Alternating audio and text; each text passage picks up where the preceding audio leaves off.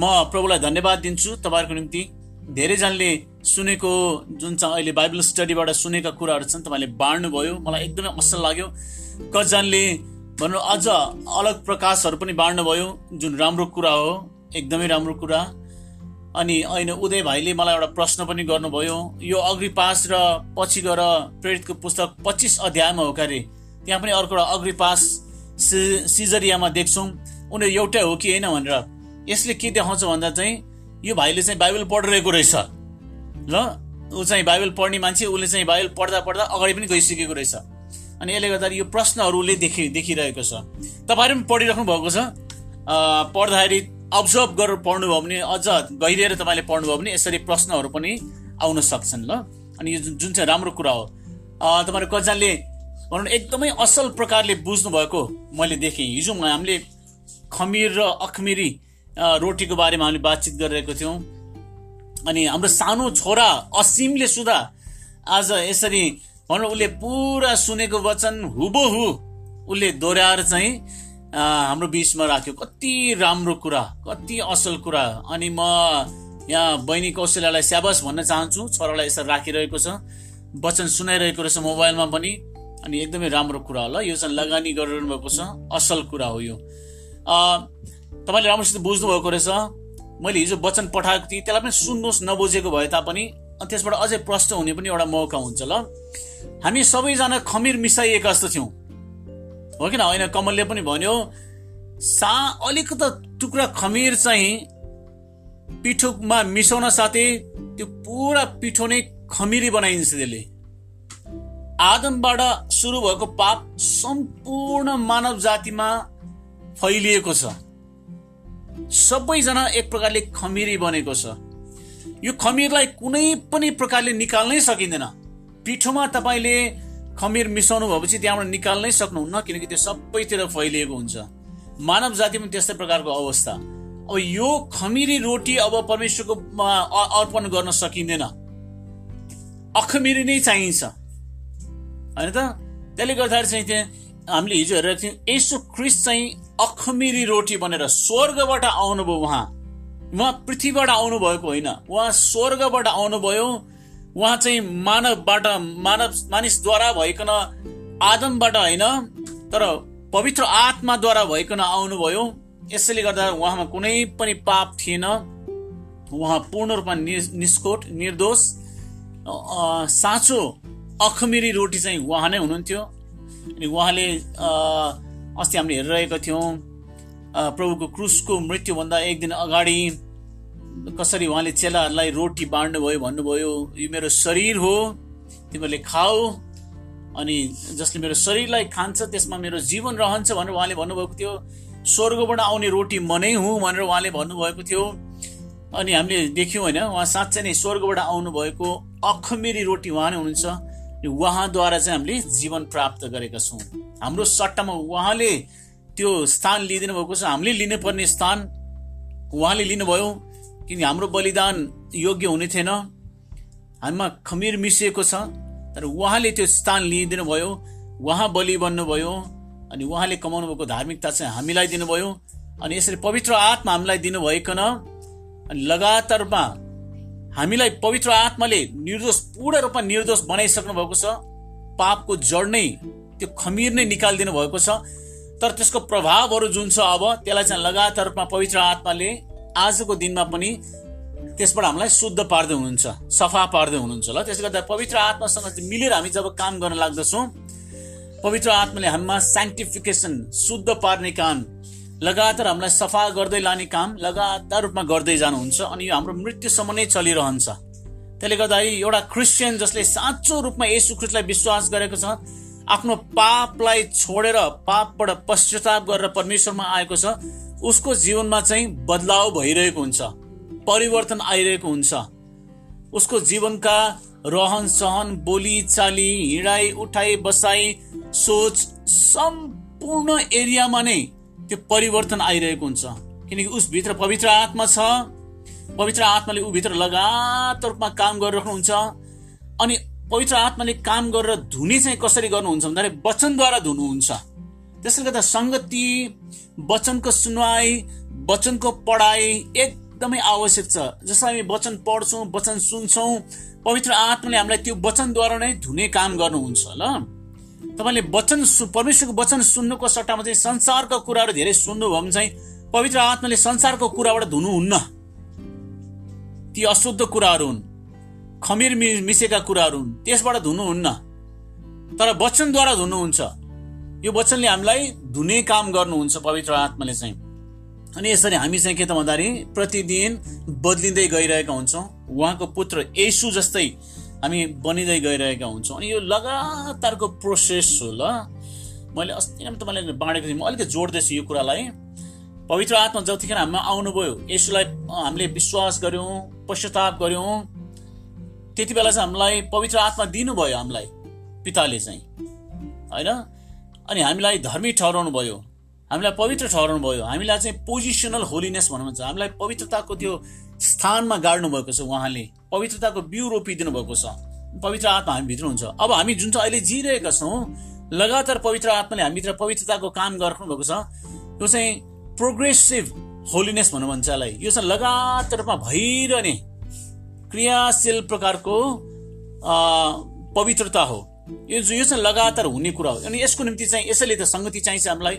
Bible सुन्नुपर्छ पढ्नुपर्छ अध्ययन गर्नुपर्छ प्रार्थनामा समय बिताउनुपर्छ अनि यसरी पवित्र आत्मा लगातार रूपमा हामीलाई धुँदै धुँदै धुँदै सफा पार्दै लानुहुन्छ।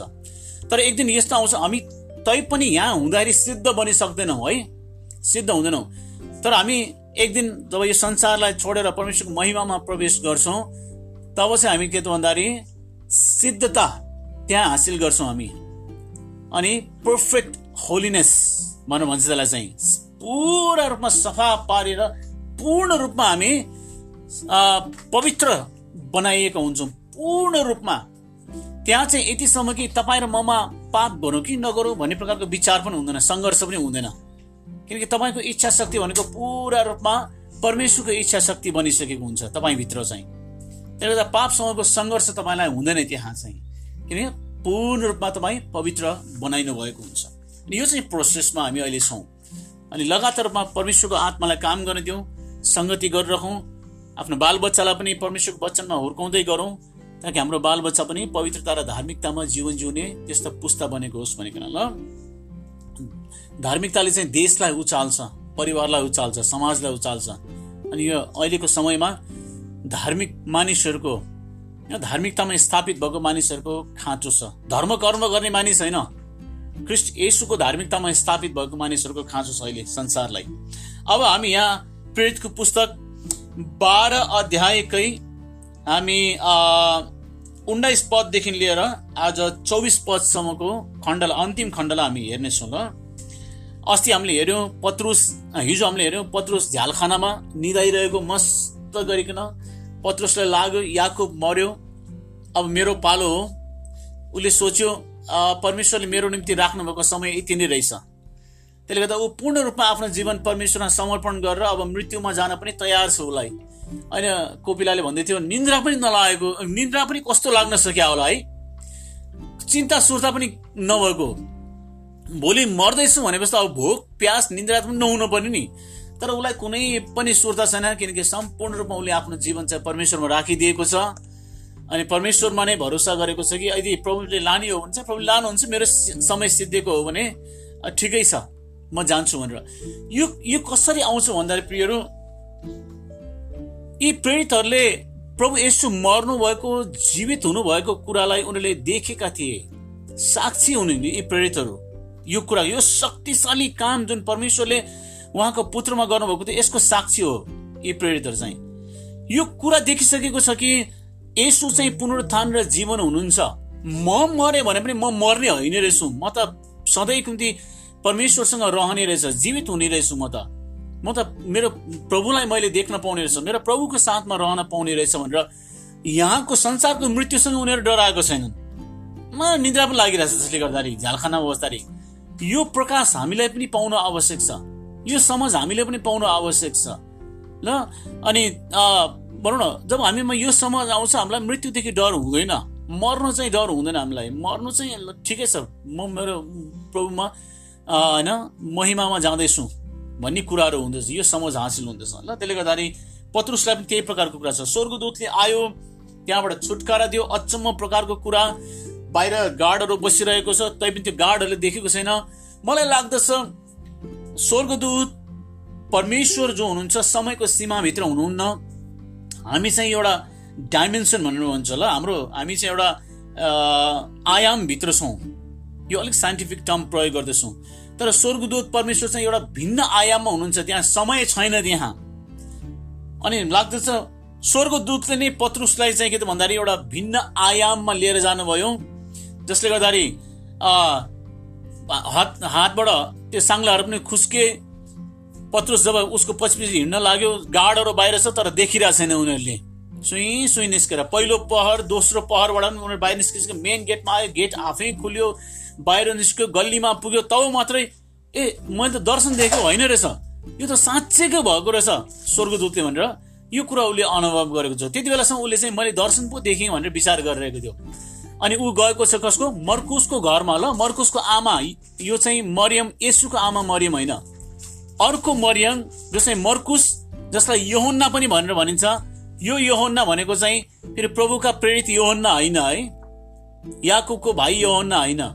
यो चाहिँ मर्कुस भनिने योहन्ना भनेर भनेको छ ल। मर्कुसलाई योहन्ना भनेर बोलाइन्छ। पछि यो योहन्ना चाहिँ यो मर्कुस चाहिँ पत्रुसको माफ गर्नुहोस् वर्णवास र पाउलको साथमा मिसनरी जोड यात्रामा उनी पनि लागेका छन् जसले सुसमाचार मर्कुसको सुसमाचार पनि लेखेका हुन्। उनको घरमा जान्छ जहाँ चेलाहरू प्रार्थना गरिरहेका छन्। अनि त्यहाँ चाहिँ के त भन्दाखेरि पत्रुस पुग्दाखेरि उनीहरूले विश्वासै गर्न सकिरहेछन् कि पत्रुस आइपुग्यो भनेर। अचम्मको कुरा है। बाइबलमा लेखेको छ जब तिमीहरू प्रार्थना गर्दछौ प्रार्थनाको उत्तर पाइसकेका छौ भन्ने विश्वास राख।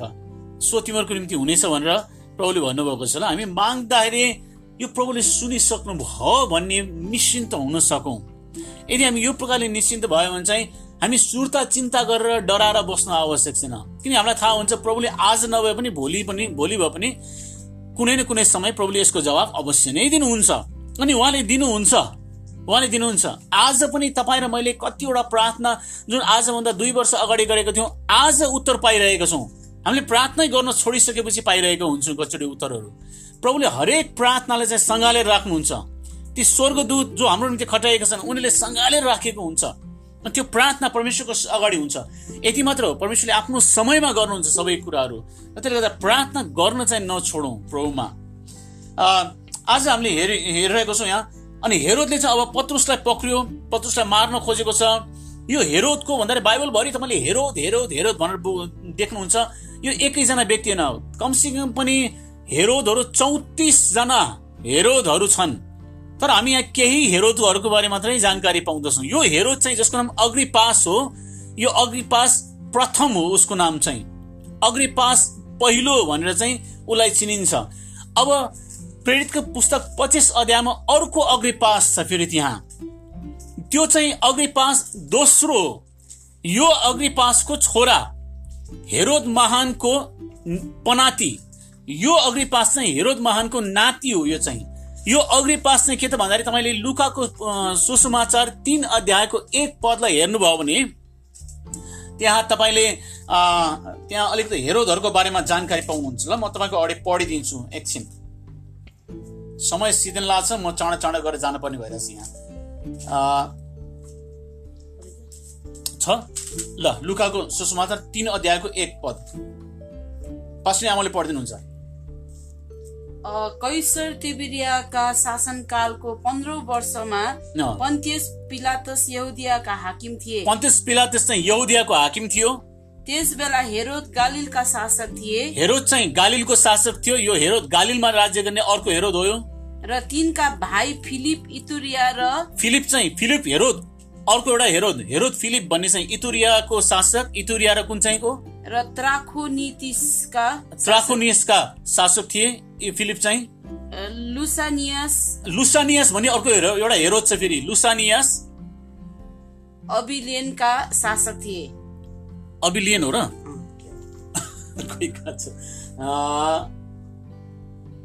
अबिलेने ल अबिलेने भन्ने जग्गाको शासक रहेछ। लुसानियस। अब लुसानियसको मृत्यु पछाडि चाहिँ यो अग्रिपास चाहिँ कमसेकम चार वर्ष लुसानियसको चाहिँ हेरोदको रूपमा शासक बनेका थिए। लुसानियस भन्ने प्रान्तको शासक बनेका थिए उनी चाहिँ। यो हेर यो अग्रिपास चाहिँ। अनि पछि चाहिँ पुरा प्यालेस्ताइन भरिको नै लगभग तिन वर्ष चाहिँ राजाको रूपमा उनी स्थापित भएका थिए। हेर्नुहोस् है यो अग्रिपास प्रथम। पुरा प्यालेस्ताइन भरि नै उनी चाहिँ राजा बनेका थिए। यति बेलाको समयमा चाहिँ उनी चाहिँ के त भन्दाखेरि एउटा राजाको रूपमा शासन गरिरहेको छ।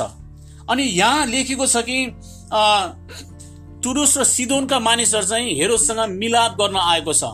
टुरुस र सिदोनलाई तपाईँले गालिल भन्दा माथितिरको प्रान्तमा देख्नुहुन्छ।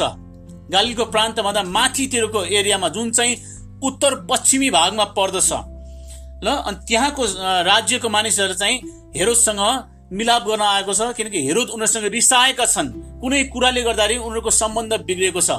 अनि टुरुस र सिदोनका मानिसहरू चाहिँ गालिलबाट उब्जनी हुने त्यहाँको खानेकुराहरू चाहिँ त्यहाँ एक्सपोर्ट हुन्थ्यो। त्यसैमा भर पर्न पर्दथ्यो।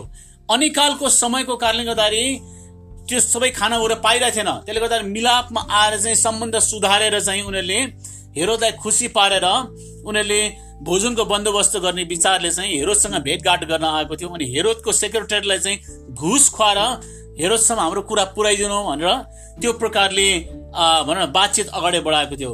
अनि यो बातचित चाहिँ एउटा सभामा मानिसहरूको बिचमा होइन सभामा चाहिँ हुन गइरहेको थियो। त्यति बेला चाहिँ हेरोद चाहिँ के गरेको छ भन्दाखेरि हेरोद चाहिँ मजाले राजाको राजकीय वस्त्र पहिरेर आएर चाँदीले पुरा चाँदी नै चाँदीको सिङ्गार यहाँ भनौँ गहनाहरू पहिरेर जब उनी चाहिँ सिंहासनमा बस्न आयो घाम चाहिँ हेरोदको माथि चट्ट घामको उज्यालो चाहिँ चट्ट हेरोदको माथि पर्दाखेरि त्यो सबै अर्नामेन्ट्सहरू जुन चाहिँ गर गहनाहरू छ चाँदीका त्यसको झलक चाहिँ उसको मुहारमा परिरहेको थियो अरे। एकदमै मुहारमा होइन प्रतिबिम्बित भएर रिफ्लेक्सन भइरहेको थियो अरे। अनि मानिसहरूले हेरेर चाहिँ हेरोदलाई होइन ओ जब हेरोद बोल्यो यो त परमेश्वरको आवाज हो यो कुनै मानिसको आवाज होइन। यो परमेश्वरको आवाज हो परमेश्वरको बाणी हो यो भनेर चाहिँ मानिसहरूले वाह वाह वाह वाह गर्न थाले।